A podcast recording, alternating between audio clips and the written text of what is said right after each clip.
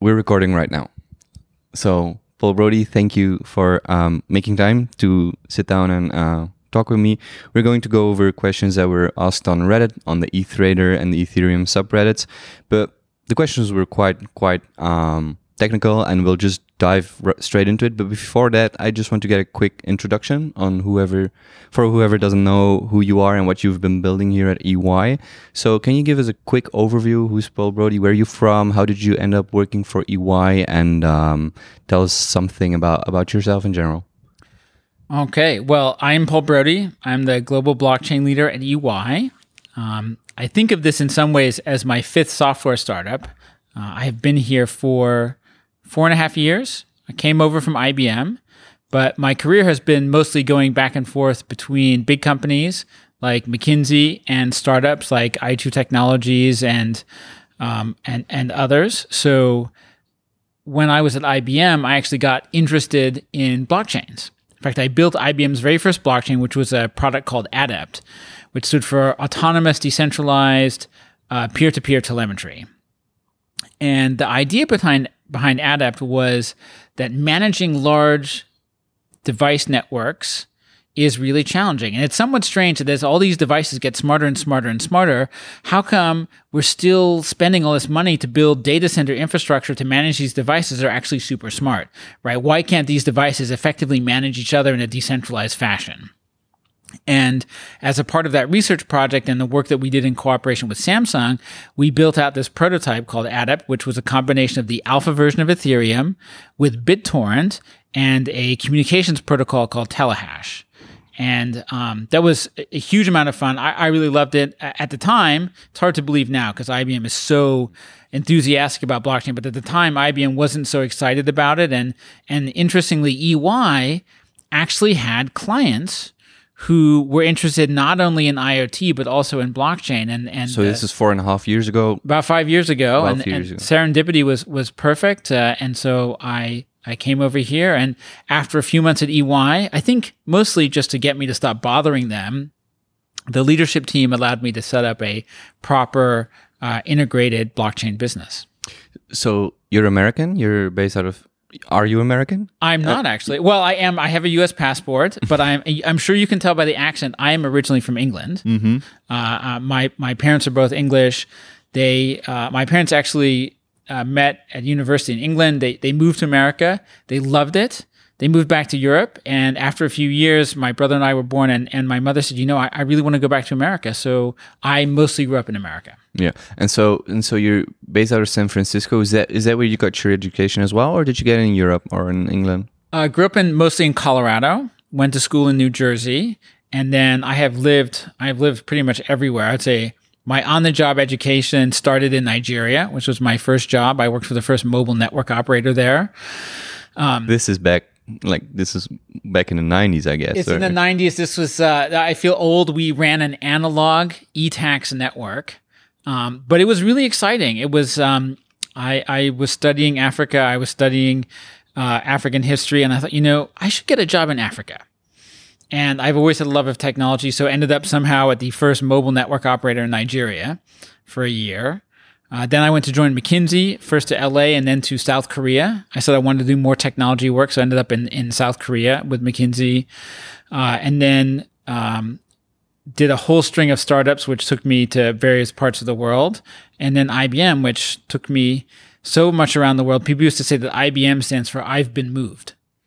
Yeah, you mentioned before we started recording because that's actually when, when I when I said we, we should actually be recording that you travel around quite a bit. I, I assumed that you were based out of San Francisco and that's that's where you would spend most of your time, but that's not what your life looks like, and that's not what EY and the blockchain department or division looks like either, right? You have many many different spots all over the world where you're developing this thing, and that's what your life looks like as well.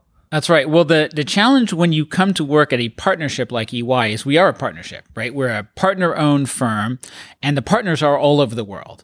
And so they are the investors. I think of the other partners in EY as my investors in the startup, uh, but I also think about them as my channel to market, right? The partners are the people who have those strategic relationships with clients, whether they're in, in audit or tax or business strategy And so, what we have tried to do is build a globally integrated blockchain software business, but one that is very distributed around the world, where each part of the world is, is going to build up over time its own special competency.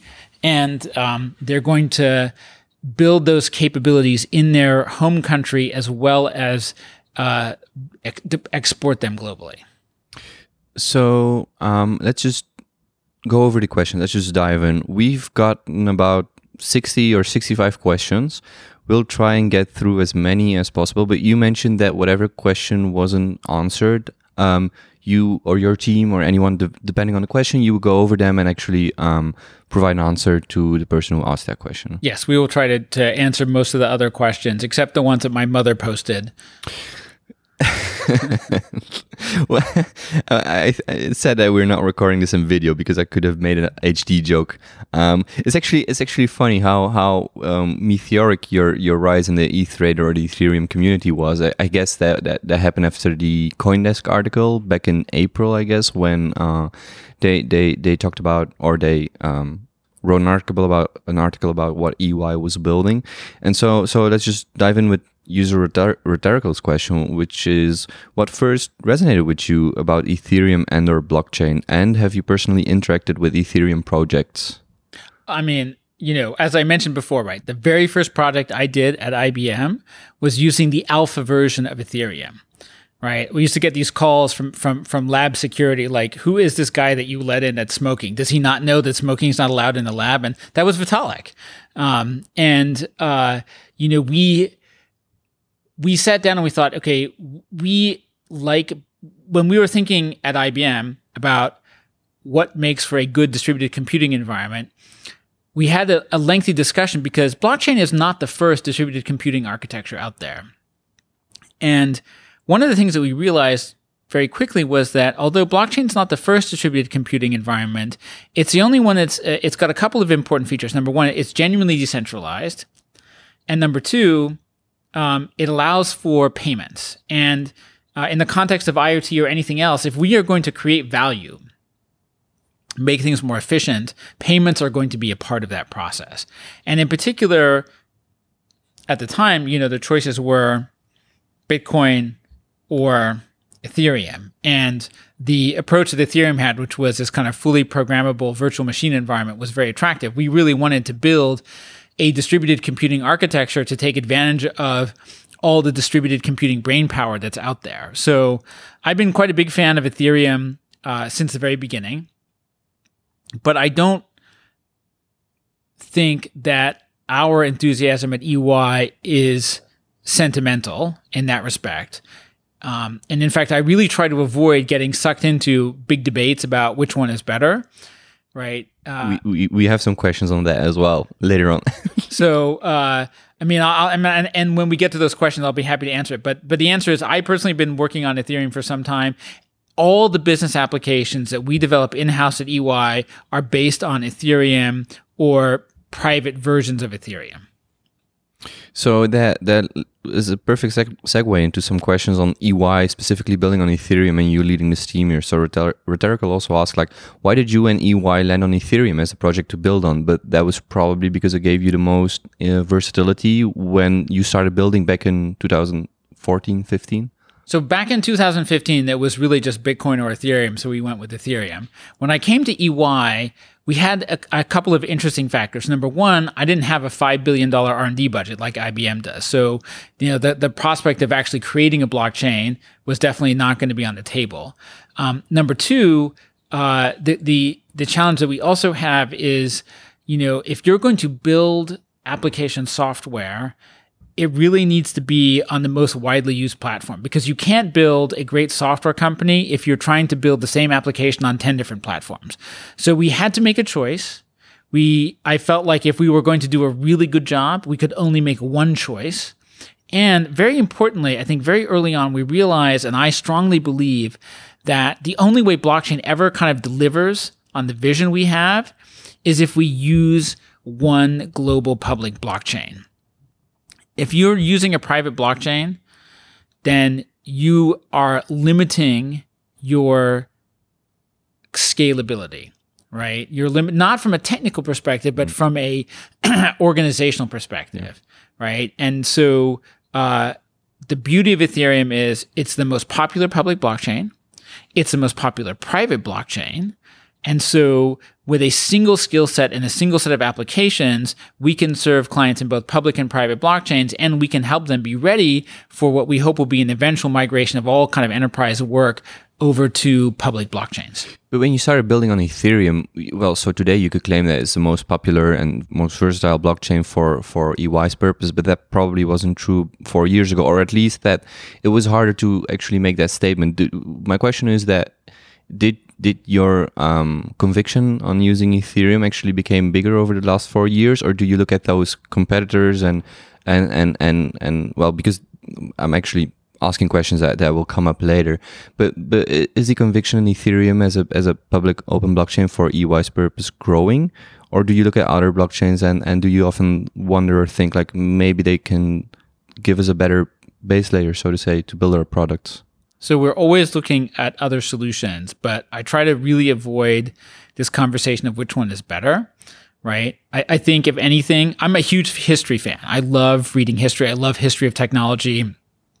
Uh, I love history of standards wars. I, I want to highly recommend. There's one of my favorite blogs is is by it's called Monday Note, and the author is a guy named Jean Louis Gassée, who's he's now in his 70s. He was a head of research at Apple. He worked for Steve Jobs. He's very proud of saying he's been fired. I think maybe more than once by Steve Jobs. He's he's a brilliant guy. He's got incredible perspective on history, and he writes lots of historical stuff about technology standards wars. I think over and over again, whether it's Windows or Betamax or iOS and Android, uh, the best technology never wins. There was always somebody with a much better solution that was offering something about the same time. So I avoid this question of which one is better or what could be a better base layer. We're always looking at other stuff, but uh, if it doesn't have developer acceptance, no matter how cool it is, it's not going to get traction. User Lilpath asks In convincing your clients to use a public blockchain, what has been the most common and effective aha moment that your team has given them? Also, and I am paraphrasing, if blockchain is to revolutionize accounting among other sectors, does EY see their dedicated jump into blockchain as a way to potentially leapfrog the rest of the big four, in terms of revenue at least? So, leapfrogging other competitors, um, and um, what's the most common uh, aha moment that your clients go through?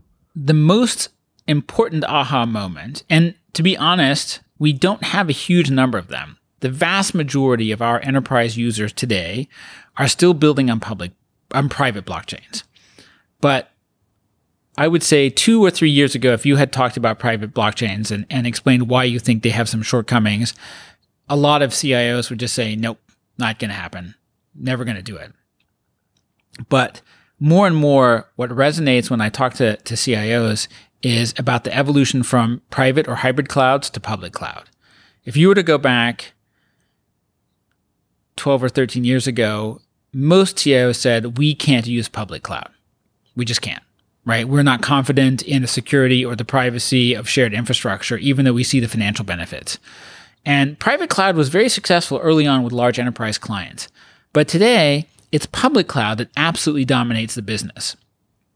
And so it's very similar for blockchain. Today, private blockchain is dominant in the enterprise because enterprise CIOs are fundamentally very, very conservative, right? You don't want to take chances with a multi billion dollar order book, you know, uh, because your IT systems failed. So this makes enterprises very careful about embracing new technology directly into the core of their operations.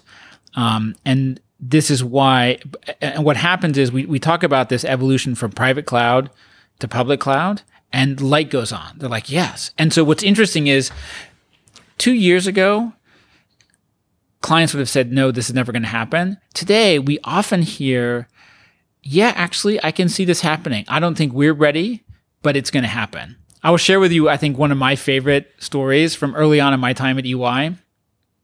We had a really cool project for a, a really big US company. And uh, we finished up the pilot, the proof of concept. It was for a, a enterprise system to deal with a bunch of partners. And they said, this is amazing. We, we love this. Uh, we think it could save us literally over $100 million a year. and uh, we're listening to this conversation. I'm, we're on the phone with a client. We're talking things through. I am writing the press release in my head, right? I'm already thinking about like, so how much are we going to charge them? And I almost missed the part where the client says, "We really love the work you did, but we're not going forward." And I was like, "Wait a minute, seriously? You're not going forward?" Kind of ex- unpack that for me. And the when we were done, sort of unpacking that non sequitur, it seems great, but we're not moving forward. The answer was blockchains are too new, and we are nervous about plunging into this. We just don't want to be first. So now we have clients saying, I can see us getting there, but we don't want to be first.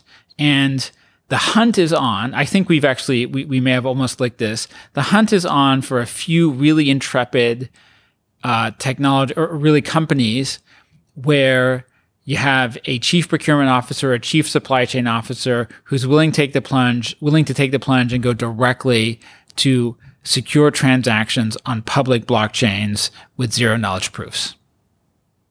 What do your competitors think about that? Is it a way to leap? Is EY's focus on blockchain with you spearheading it? Is that a way to leapfrog the other big four or the three of the other big four companies?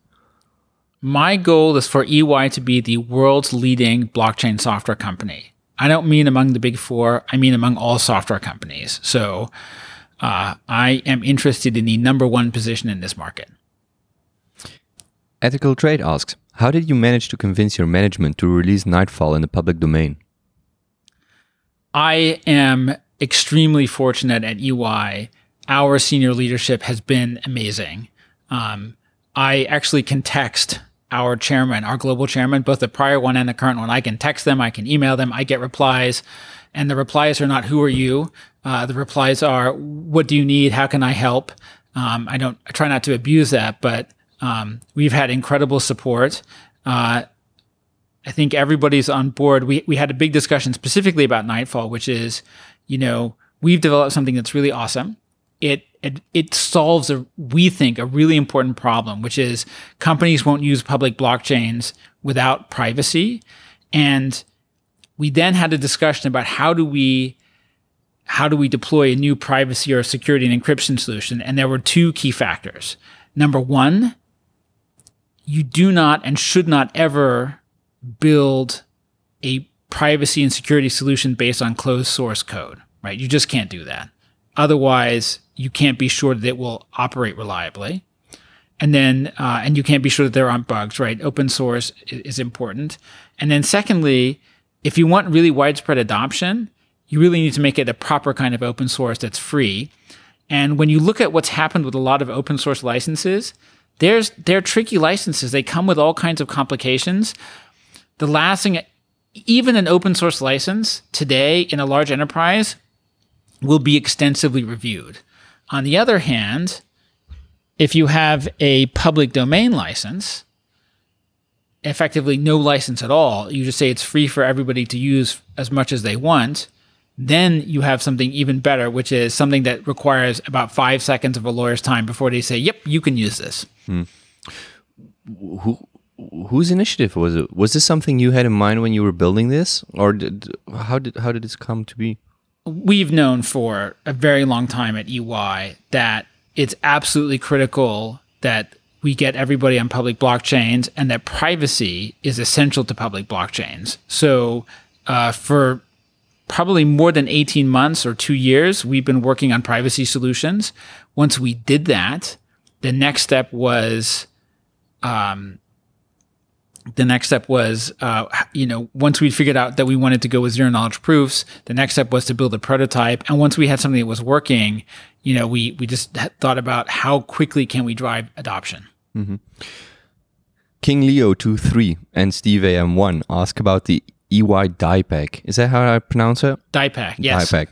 And from your LinkedIn, I quote EY DiePak uses zero knowledge proof software to identify stolen tokens, prevent their usage, and issue replacement tokens to the victims of thefts.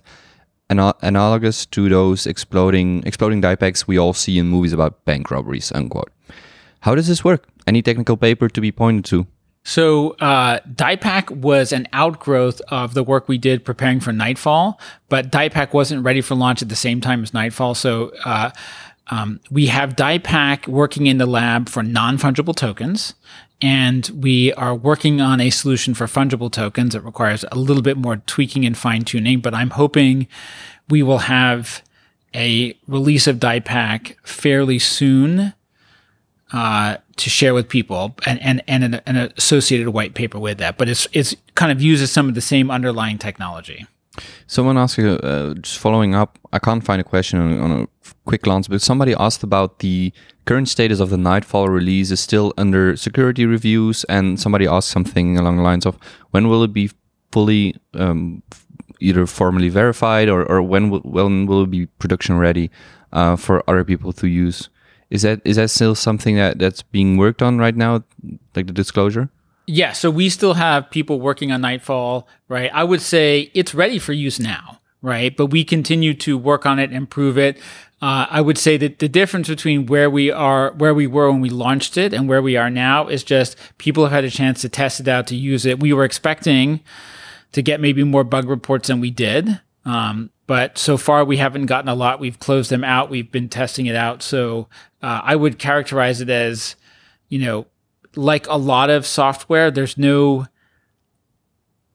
guarantees with public domain open source software, but uh, it seems seems like people are not uncovering a lot of additional errors. So um, we feel pretty comfortable in using it. We're certainly baking it into all of our product, uh, and we'll be redoing. We're basically reconstructing all of our business applications to use zero knowledge proofs, whether they're in public or or private blockchains. Mm-hmm.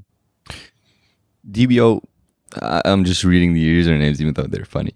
DBO Vilataki, I hope I pronounced it right, asks, given EY's interest in developing on the public Ethereum network, how does EY hedge against stalled development like scaling, regulatory risk, and so-called competing networks? I'm curious how large an organization such as EY plans for developing business lines in the future on the back of an as of yet unactualized technology. And Sleepy Ninja had a similar question. So we're always looking to see if there are other solutions that might eventually become more popular with the developers. I think really good developers and really good thinking about how to build decentralized applications isn't necessarily Ethereum dependent. If we had to migrate from Ethereum to something else, I, I think I feel pretty confident that we would be able to do so. Uh, I think the big challenge is when you're building a decentralized application is really thinking in a properly decentralized way, right? Just because you can take the piece of code and run it in Solidity doesn't mean that you should architect it in the same way. Um, similarly, you know, if you're running a business process, we try to think about not just how would I take that process that exists in Java and put it into Solidity, but instead, um, how would I think about how a company should execute this process uh, using a decentralized model with a combination of tokens and smart contracts? So the hard work, the big things that people need to shift their head around are not Ethereum platform specific. They are how do you build a properly decentralized application? It is possible that uh, Ethereum could face significant regulatory hurdles. One of the things that we want to avoid is getting overly focused or dependent specifically on cryptocurrencies, for example, because there are different regulators who are very, some regulators are very, very opposed to those. I believe the big value proposition around Ethereum is for enterprises to co- coordinate their business processes with each other over decentralized infrastructure that doesn't require, other than for a little bit of gas, any meaningful amounts of cryptocurrency. I also believe that that enterprises will largely prefer to buy and sell and transact with each other using fiat currency tokens, not in the sense of fiat currency good or bad compared to cryptocurrency, but because if my revenues are in dollars and my costs are in dollars, then I want to avoid a situation where I take some of a, big chunk of my money, convert it to a foreign currency. It could be Ether, it could be Bitcoin, it could be Swiss francs, it doesn't matter. Because every time I do that, I pay transaction fees and I also am paying, I, am embracing some level of foreign exchange risk. So by the time, you know, in the, in the time between when my revenue came in and my costs go out, I might have to uh, there might be a substantial shift. If I keep all of my revenue and expenses and intermediate expenses in the same currency, whether it's dollars or euros or yen, then I have minimal risk.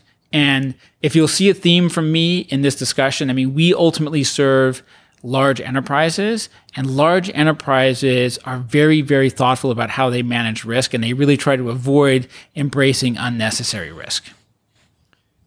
User Fedfire Throwaway asks, how many partnerships and or clients does EY have that develop on the Ethereum blockchain, and how much growth does this number have? So actually, again, we're probably you you get another theme from us, which is that we are very different from some of our competitors who seem to have dozens and dozens of different partnerships with all kinds of companies. That looks great on paper. I can tell you in practice, it's really hard. If you have 10, 20, 30 partnerships, it's really, really hard to do those well. It's really hard to bring those people to market. Uh, so we are actually extremely selective. We have two major partnerships in the world of blockchain for EY. Number one, Microsoft. They're our biggest client. They're our most important partner, right? The work that we have done together with Microsoft, especially around the, the Xbox video game platform, has been really groundbreaking. Is that where you sell the license, uh, the, the Xbox licenses? That's right. This is where we're managing Xbox video game licenses, the licensing transactions for Microsoft on a blockchain.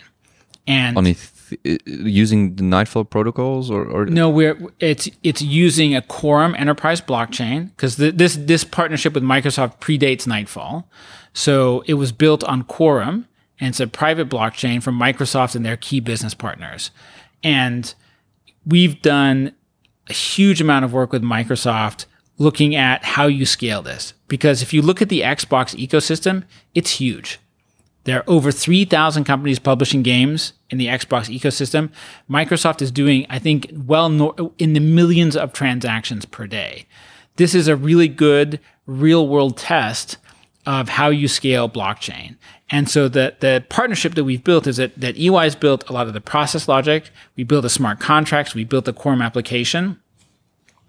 Microsoft's been really helping us tune up and optimize how you stand up a large number of partners in a quorum ecosystem, how you spin up multiple blockchain nodes, how you enable, you know, things like integration to Active Directory, so it's easy to bring partners on a private blockchain. So the partnership with Microsoft has, has been amazing. That's our, our probably our most important partnership.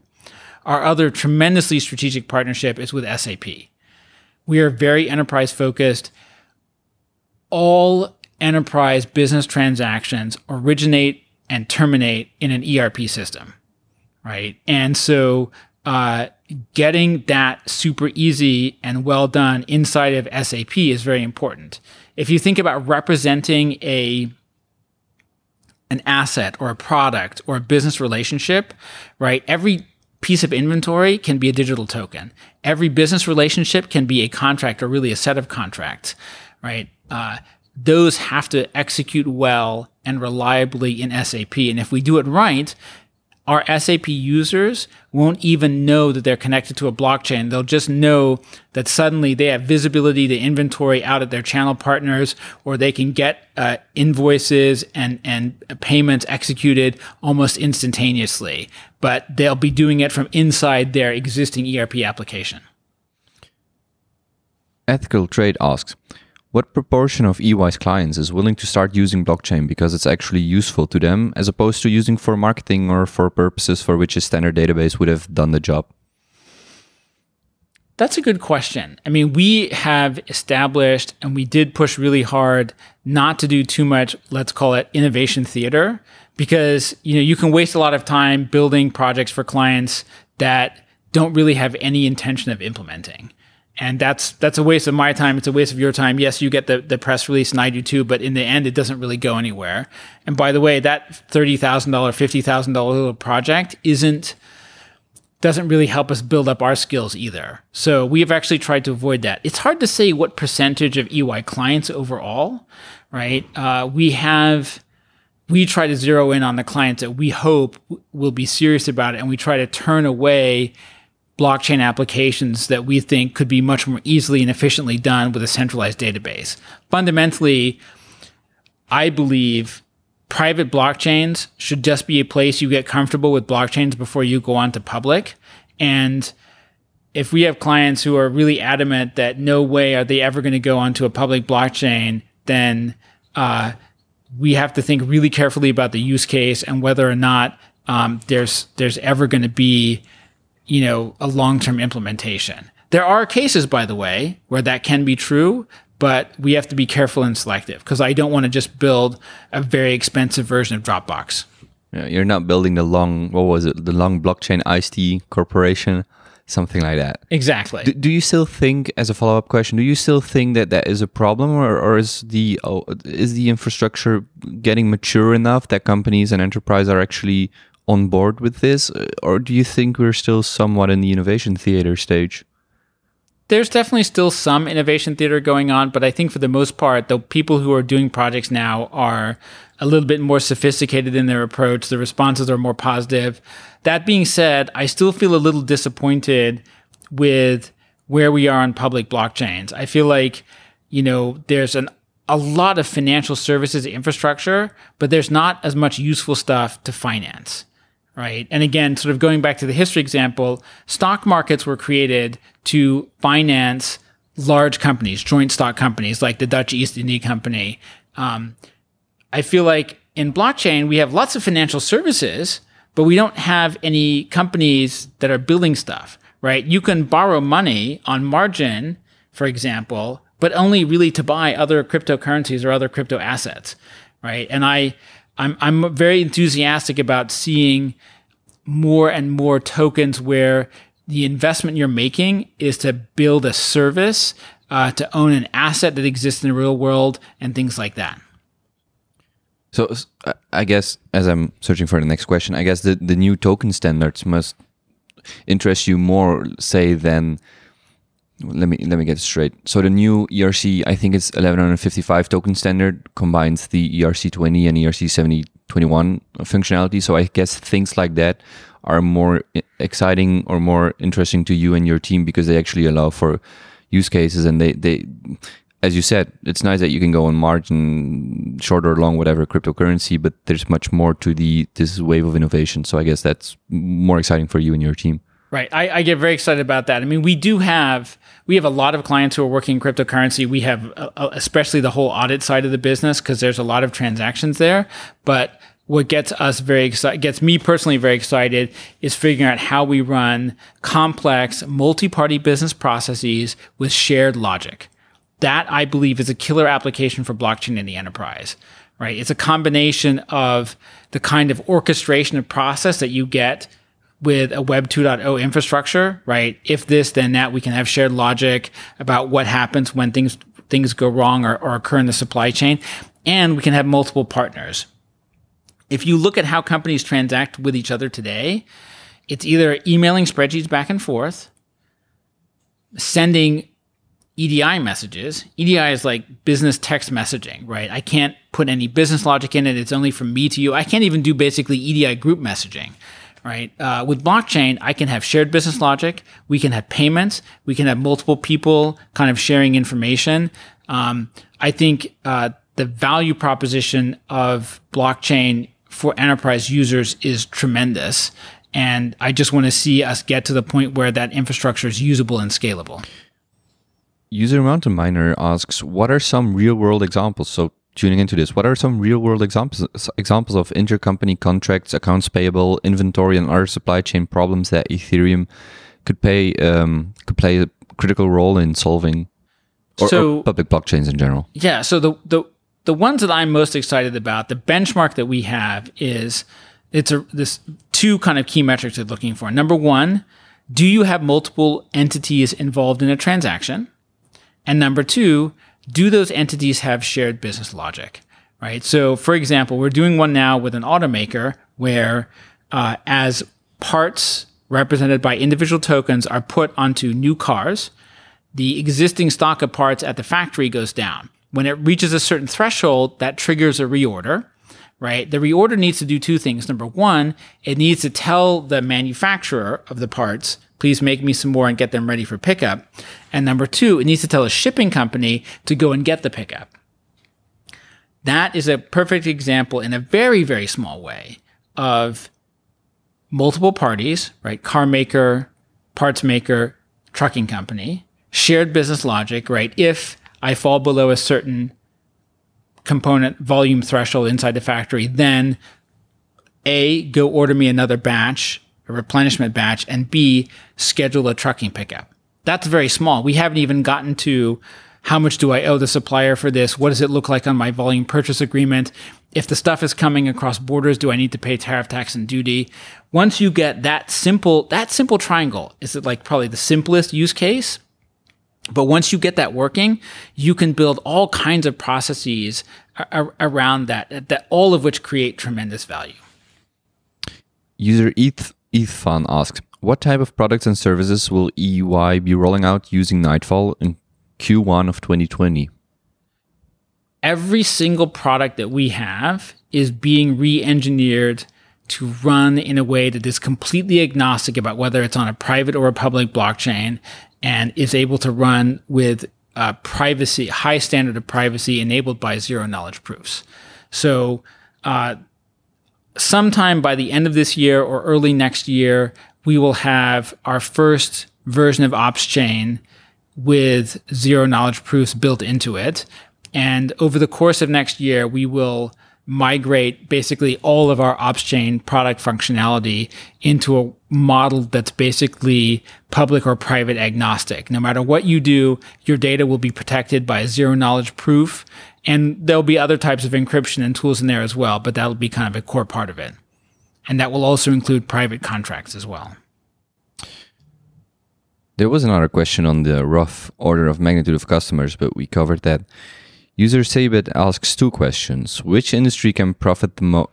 And again, we might have covered this already, um, but I'll just read the question.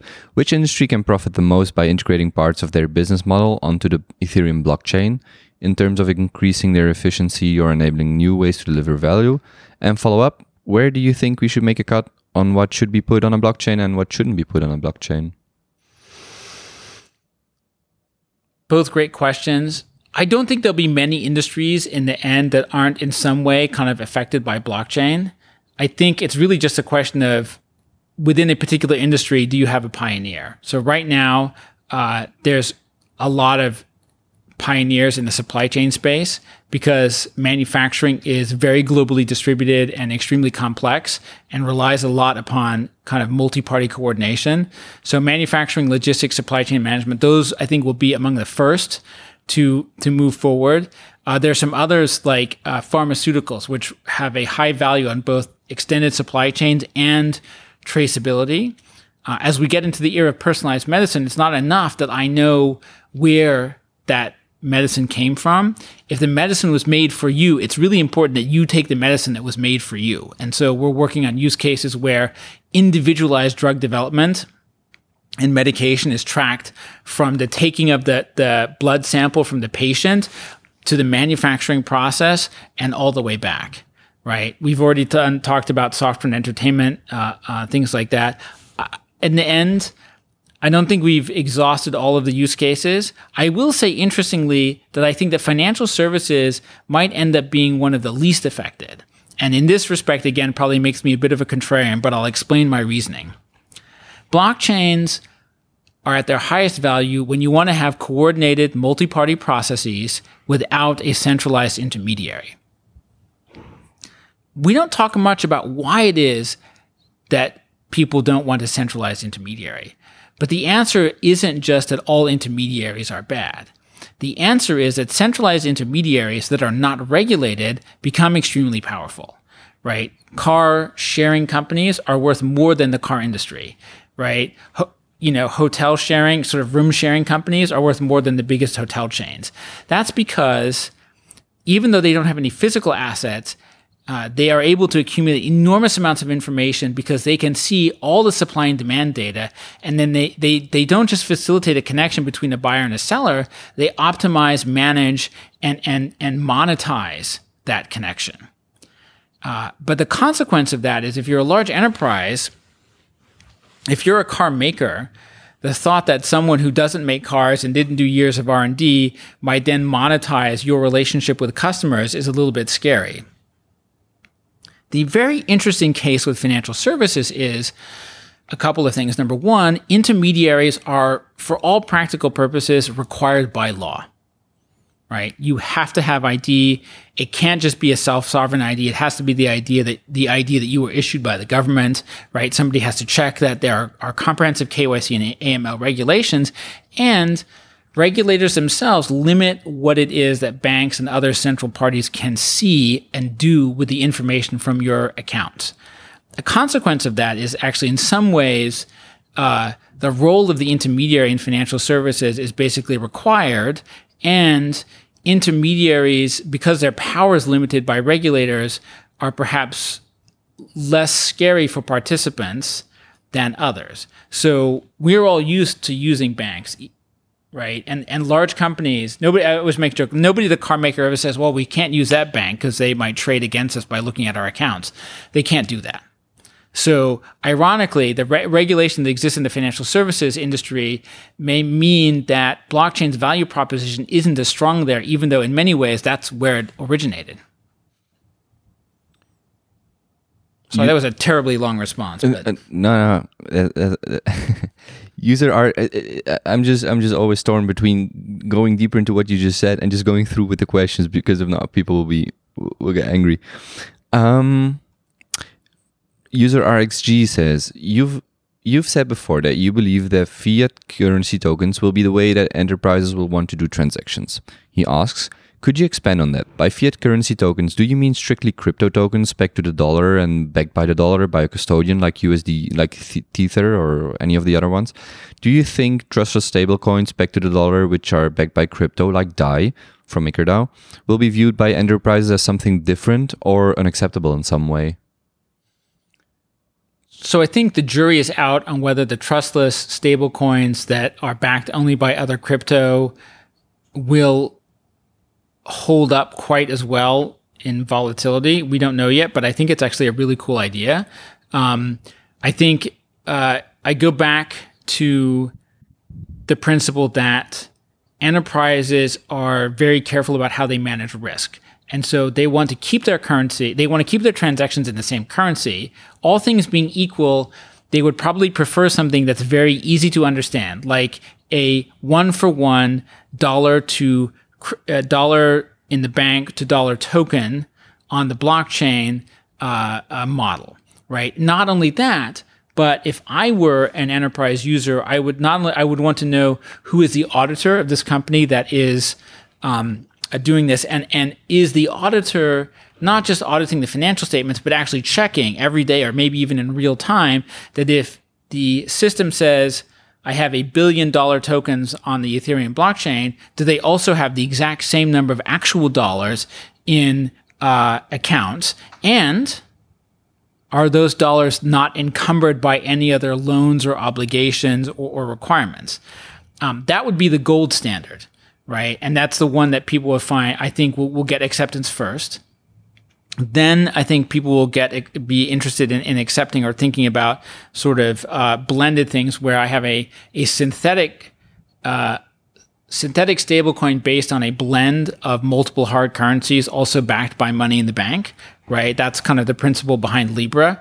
Uh, and then I think eventually, with enough track record, people might get comfortable with something with, with a, a stable coin uh, like DAI that is entirely decentralized and entirely cryptocurrency based, but pegged to a fiat currency. Just wondering, you said the jury is out, but DAI, if I remember correctly, has been running for about a year and a half now. When would you, if any of your enterprise customers would ask you about when when would you feel comfortable actually referring them to a completely trustless or a completely decentralized stablecoin? And I, and I understand that the USD or the Tether model is is way more interesting for for them right now. But I'm just curious to get your thoughts on that, if at all that becomes interesting to them or or, or preferable. I'd want to see how DAI performs. We need a market crisis of some point, right? A big a big spike upwards, or more likely a really big spike downwards. That would help us understand how these things perform under pressure. Uh, that that's very useful. I think in general, uh, the time frame during that it takes for enterprises to go from ooh this is an interesting idea to i'm okay doing it is about 10 years that's what you mentioned in your talk as well right the, the 10 year time yeah so so so the answer is let's see in 10 years how, how DAI. I, would probably be ready before then, but I think uh, enterprise clients, it, you need about a 10 year track record for them to get really comfortable. User Labrav asks, what do you think it would take for, well, what do you think it would take for an on-chain based stablecoin like DAI to be integrated at an enterprise level? Well, yeah. Do you think that will ever happen? Well, let's see in ten years if they feel comfortable. User Mammoth Groomer 86 asks, Nightfall supports ERC 721 non fungible tokens. Will the Nightfall software adapt interoper- interoperability features as well? What are your thoughts on it in terms of cross industry adoption of blockchain? So I, I, think private tokens are essential for cross industry adoption of blockchain, right? Uh, if you think about something like food traceability, if I have a if I have a crate of food, uh, let's a ton of a ton of strawberries, right? And I represent that as a as a single token. Um, I can track that token as it goes through the supply chain, right? I can buy that token, I can sell it, I can finance it, I can ship it, I can do all of those things if it's properly represented as a token, right? Believe it or not, it still blows my mind that there are blockchains out there that don't tokenize stuff, right? But blockchains are kind of made for buying and selling tokens. So uh, if the, the challenge today is there are food traceability blockchains and there are logistics blockchains, and there are insurance blockchains, and there are even payments blockchains. And it's completely pointless, I think, to expect somebody to join four different blockchains to complete one business transaction. If I properly tokenize stuff, I can do all of those things logistics, traceability, insurance, payments, everything on the Ethereum blockchain. I just need privacy right? So, so Nightfall, I hope, will lead to enterprise adoption and the ability of people feel comfortable moving tokens across kind of multi-industry processes. Um, Nightfall will continue to evolve. We made it public domain. We we continue to contribute to it, but I also really hope that more people out there will do it. We're so excited with. I'm going to pronounce the name wrong, but 0xcert. I forget the how to pronounce it, but they have forked it to to support the their newest extension of the ERC 721. So I'm really appreciative of that, and we hope to see. And, and I think um, there's there's other stuff coming, but we made we we made this public domain so that people would adopt it and we will do our best to support people when they have questions or want help i think they wrote i, I can remember reading a medium post or something on it and i'll just just link to that so people can check it out what what just finishing on uh, on the ey topic what kind of job profiles does Paul expect to emerge at EY based on EY's engagement in the field? And what roles will EY hire for to support the implementation? So we have spent a lot of time thinking about that, and we you will see every ad that's placed by the EY Global Blockchain team for for people on our team specifically says you don't need to have experience as a blockchain developer. I believe that our most successful people bring either depth of knowledge around enterprise process or financial services or technology, but it doesn't have to be blockchain. Um, you know, we will invest in people to get them up to speed. I would rather hire a smart person who really wants this and is, is, is really thoughtful than somebody who's got three different blockchain jobs on their resume. Some questions on Ethereum as a network. Ethical Trade asks, Will the work done on Nightfall become unusable on a new blockchain, the ETH 2.0 blockchain? If only partially, to what extent? And user Jasmine asked, how does EY plan to handle the transition of it of its clients from ETH 1.0 to ETH 2.0? So the answer is I, I don't know exactly yet. I certainly hope it won't become unusable, but if it if it does, then we will have to to adjust it accordingly, right? The underlying rules of zero knowledge proofs I don't think are going to change with Ethereum 2.0. So uh, I'm not anticipating a lot of trouble. Right, there will be there will be some changes in transformation, but I think that's expected as the technology evolves.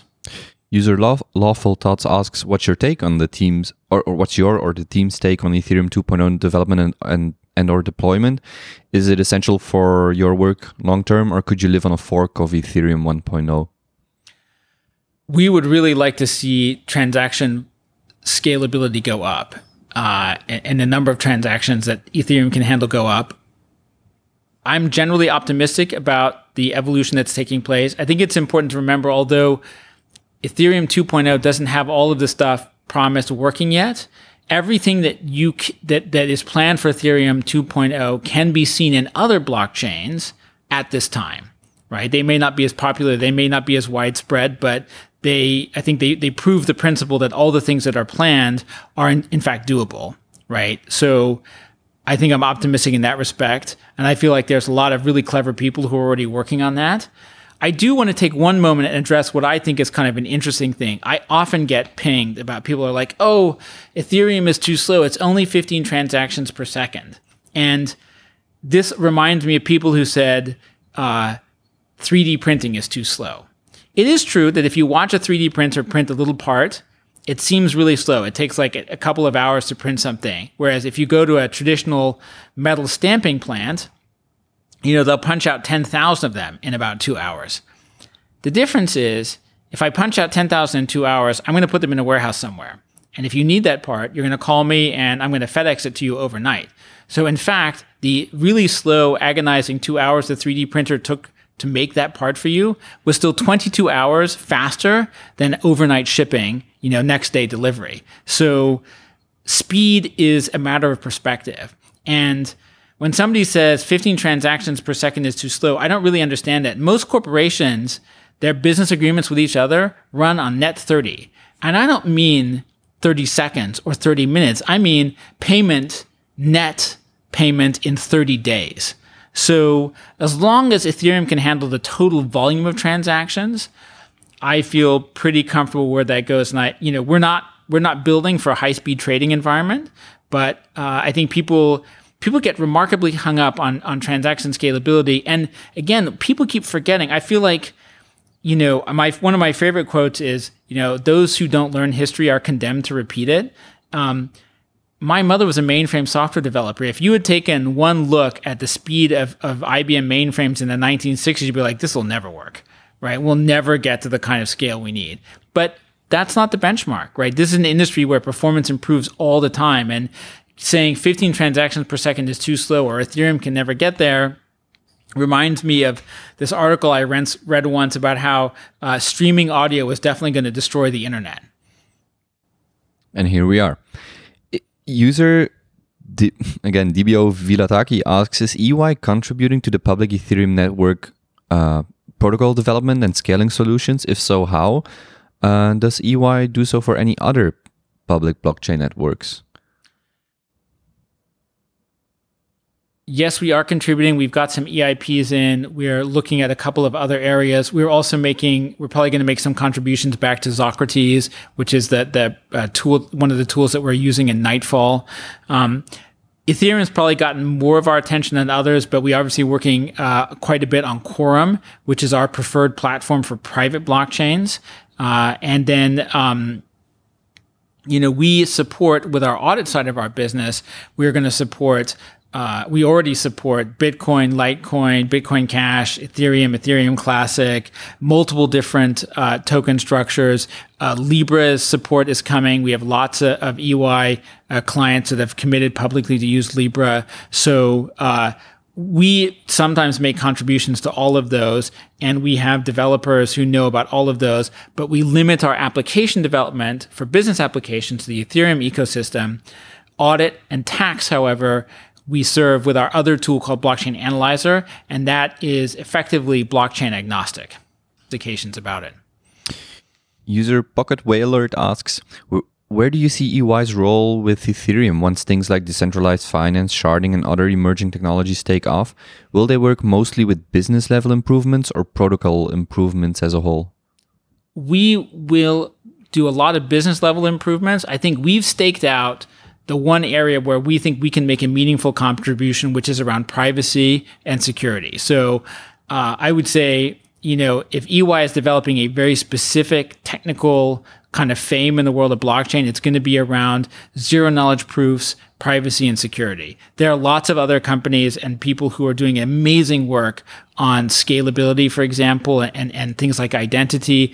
Um, I think we have I think we've zeroed in on the idea that enterprise clients in particular care passionately about protecting their their information. And so this will be something where we can say with absolute confidence to a client, your information is going to be secure because we have engineered, built, and, and really gone through some of the information, the, the work of this in depth. So I think that's where we're probably going to stake out our big technical contribution. Wrapping up with some general questions, you user with person asks three questions. First, how aware are you and the EY team of communities like the EthTrader and Ethereum subreddit and the overlap of interest between the community and EY? What do you think about it?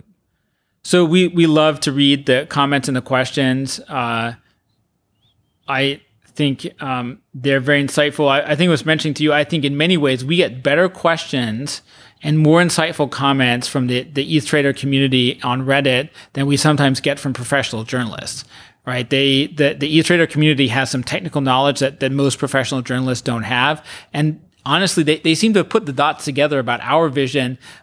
They put that together. The comments I've read online have often been much more thoughtful and and uh, much closer to a, I think the vision that we have than the sometimes the analyses that I read in the press. The first thing I noticed though when I entered was the television, the, the, the monitor with coin market cap. Isn't it a little bit distracting in especially 2018 and even this year as well? Oh, we have we have a bunch of stuff up here in the lab, so that that gets looked at. I don't think anybody pays much attention to that. I will say, um, you know, again, because of independence rules, everybody uh, at EY we have to fill out a quarterly independence update. We have to disclose all of our cryptocurrency holdings. Um, you know, we're very careful to avoid anybody here having a um, having a conflict of interest. So we do we have a little screen up with the various cryptocurrency prices, but uh, you know, we don't encourage people to, you know, kind of do any kind of significant. We don't want it to be in a situation where we have a conflict of interest over something like that. You don't want to see a 20% drop and wonder if somebody's asking for sick leave for whatever reason. actually, actually, the with the person asked a follow up question to this as well. Is there an internal EY policy on own on owning uh, Ethereum or other cryptocurrencies due to um, um, so, uh, sorry, what, what, was it you mentioned? The conflict of interest uh, concerns. Uh, do you get a do you get a sense that a lot of the team or that some team members own crypto? Do you? I own a, a tiny amount of crypto, more for research purposes than anything else. Uh, we do require it to be disclosed. I don't think it's banned inside of EY anywhere that it's legal. I know that, that it, it you're allowed to own it in the US. Um, I'm not sure about what happens when enterprise sponsored cryptocurrencies become available. So far, all the crypto, the key part of the EY policy around conflict of interest is you shouldn't own stocks or assets, for example, in the company that we audit. So if we audit the company, you should not, you cannot, you're not allowed to buy and sell that stock. Um, so I, I, think we could see a, a, policy if there are corporate sponsored cryptocurrencies, they will ultimately be treated like investments. And if we audit those companies, then you would definitely not be allowed I think to, to buy and sell them. I, you know, we've been updating our policy. It'll probably continue to get updated, but the principle will remain the same, which is that you should not be in a position where you're working in a client situation where there's a conflict of interest between what you might want and what the client would want. There was another question from Fatfire Throwaway on the competition, um, but I, I, guess we, we sufficiently covered that. Let's just wrap up with two or three more questions. User bitch stole my Kodo says says my question has to do with zero knowledge proofs. I think maybe you were kidding in one of the videos where you made a comment refer, re- referring to how difficult it is to understand exactly what is going on behind the scenes with these proofs. But I can tell you, I'm going over the material that is out, out there and I'm really struggling to understand it all. He asks, how important do you feel it is that users of a technology like this are able to understand how it works? One of the descriptions I hear given um, for why we like blockchain is because it's trustless. Is it important that the cryptography behind blockchain be trustless too? Can it be trustless if so pe- few people understand how it works? If I had to paraphrase that, is that to what degree does it matter that your clients, for example, understand what's going on behind the scenes? Oh, that is that is such a that is an awesome question because I myself feel a lot of distress. We have passed my level of math understanding a long time ago. Uh, and I think this is broadly a, a bigger picture. It's about all kinds of things in modern society, right? How do we know that global warming is real, for example, right? I'm not a climate scientist. I can't actually tell you for sure if it is, right? At some point, you have to understand at least a reasonable amount of scientific effort, method, and you have to understand uh, enough about how stuff is researched and, and tested and peer reviewed that it's doable and that it's workable. I don't understand how zero knowledge proofs work. And, but I do know that I've hired a bunch of brilliant people. Every time we think we do something, my first question, everybody will tell you, do my first question is like, have you had some kind of external review? Have you had somebody else uh, uh, look at this, right? Putting things on public domain, getting them publicly tested. I can't I can't say with absolute certainty that it's the, the best way to go, but it's the only one I really know how to pursue, which is we've gotten beyond the point where I can personally understand exactly how the math works. But I do think I know enough about how people, organizations, and systems work that if I ask enough clever people and enough independent entities and subject things to enough public scrutiny, I can be confident that the process of vetting and review will produce a solution that is trustworthy. Last question. User Rhetorical asks If you could be any blockchain, which one would you be and why? Oh, I, I think I'd be Ethereum, you know, just because uh, we spend so much time there. just wrapping up, did I forget to ask you anything? Is there something you wish I would have asked you? Uh, is there something you would like to share with whoever is listening to this right now? only a thank you. The Ethereum community on Reddit has been amazing. We get clever questions from them. And I've also been really delighted by the civility of the discourse in the EthTrader environment as well. Uh, uh, and so I know enterprises don't always say things that people agree with, and they don't always do things that people agree with. But I've been very impressed by the uh, quality of the questions and discussion that's gone on in this environment. Where should people find you or reach out to you? I'm always on Twitter. I'm not super responsive. I will admit I am absolutely terrible about replying to LinkedIn messages. Um, but uh, usually uh, I, I, I, do respond to the occasional DMs and messages on Twitter. I'm at P Brody. At P Brody, and I guess that's your username as well. But I guess Reddit, sorry, your Reddit username. But I guess you don't check Reddit too often. I, I do check Reddit occasionally, uh, not too much. I did I did uh, I checked the YouTube comments about my T-shirt from the uh, the SEC meeting. So it was wonderful that you could re-upload it in high definition. well, Paul Brody, thank you very much. Good luck with uh, whatever the future holds, and uh, let's talk again in ten years or earlier. Maybe but, before that, or maybe before that. But let's see where where this where this all goes to. And thank you very much for uh, making the time. Thanks for coming in.